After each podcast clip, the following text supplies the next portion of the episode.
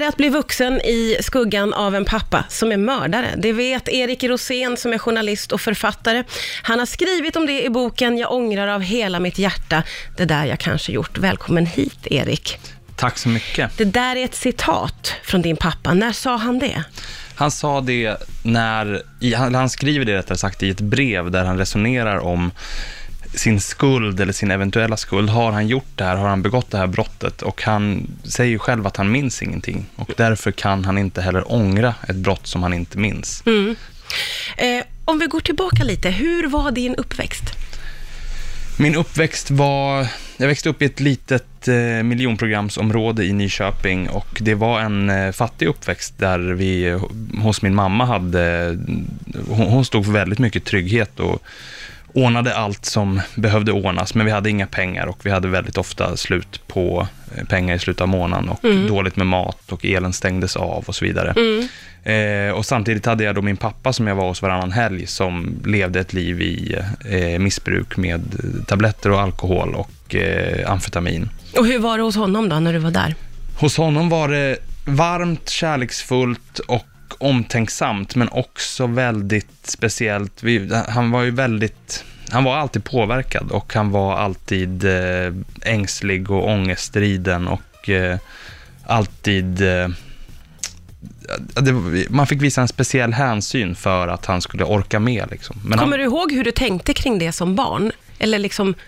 Ja, jag, jag kommer ihåg att det var det tydligaste är att det var så normalt för mig då. Det var liksom så jag förväntade mig att det skulle vara. Det var inte att jag kunde skilja det från någon annans pappa, för att jag hade ju bara min och jag såg ju andras pappor, jag tyckte att de var besvärligare när de var fulla, för att min pappa var ju alltid lugn när han var påverkad. Men du uppfattade att han var påverkad, förstod du det som barn? Jag förstod nog det i och med att jag visste att han åt så mycket mediciner. Ja. Han förde ju bok över medicinerna han åt också och sådär. Eh, och det insåg jag tidigt. Men jag, jag visste ju aldrig hur han skulle vara om han inte var påverkad, så jag hade liksom inte så mycket att jämföra med. Nej. Vad va, va har du tänkt kring den här uppväxten nu som vuxen? Som vuxen har jag tänkt att det är å ena sidan ett under att det gick så bra, eh, att det inte hände värre saker och så vidare. Men jag har också tänkt, när jag tänker tillbaks på det, så huvudsakligen tycker jag på många sätt att jag hade en fin uppväxt. Jag hade föräldrar som jag kände mig älskad av och jag hade vänner som var väldigt lojala och nära eh, mitt i all den här då, liksom, misären och de här, mm.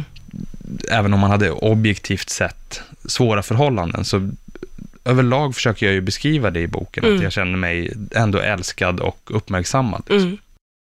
Boken Jag ångrar av hela mitt hjärta det där jag kanske gjort, som handlar om hur det är att eh, bli vuxen i skuggan av en pappa som är mördare. Eh, hur reagerade du när du fick veta att din pappa var misstänkt för mord? Min första reaktion var ju att, jag, att det var total chock. Jag kunde inte tro att han eh, kunde vara misstänkt för något sånt. Han hade aldrig varit våldsam eller aggressiv någonsin. Eh, Sen när jag ändå liksom fick förlika mig med att han satt häktad och att det fanns en riktig misstanke och att det här kanske skulle gå vidare till rättegång, då blev jag ju att jag ville försvara honom och liksom spekulerade vilt i vad som kunde ha hänt som inte involverade honom och försökte hitta andra teorier och tyckte att vi var egentligen utsatta för ett övergrepp av polisen mm, i princip. Mm. Eh, och sen tog det lång tid. Han, han, han fälldes ju sen och dömdes till åtta års fängelse och det tog lång tid eh, innan jag verkligen accepterade att det var han som var skyldig, att domen var korrekt. Det måste vara väldigt svårt. Det är ju en sak om, man har en om det är en våldsam person, mm. men när det inte är det så förstår jag att det måste bli otroligt surrealistiskt eh, och att försöka liksom hacka i sig det. Vad var det som gjorde att du till slut kunde ta till det, att det här var sanningen?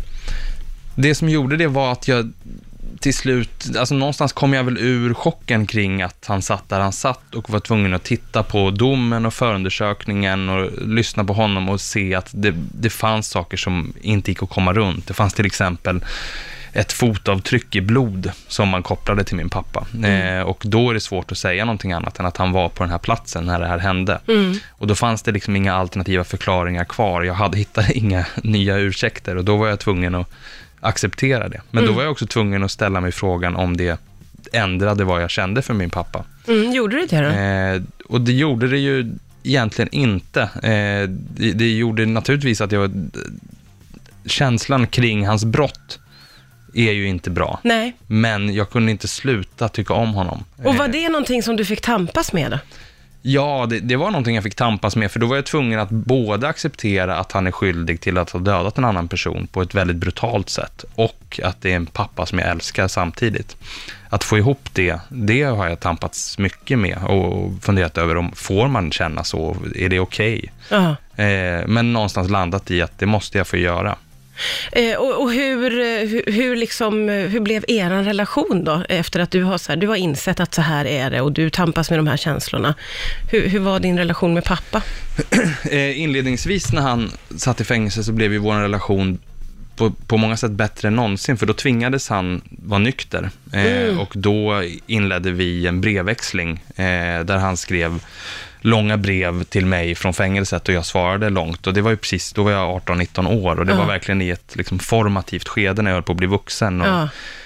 ja, han skrev om sin syn på livet och världen och jag om min och jag fick verkligen lära känna honom på ett nytt sätt. Så då var det ju någonting som fördjupade vår kontakt verkligen.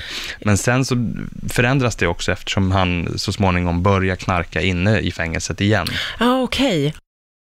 Han hamnade i fängelse, du förstod att han var skyldig och ni började brevväxla och i det så lärde ni liksom känna varandra på ett djupare plan. Vad kan du berätta om de där breven?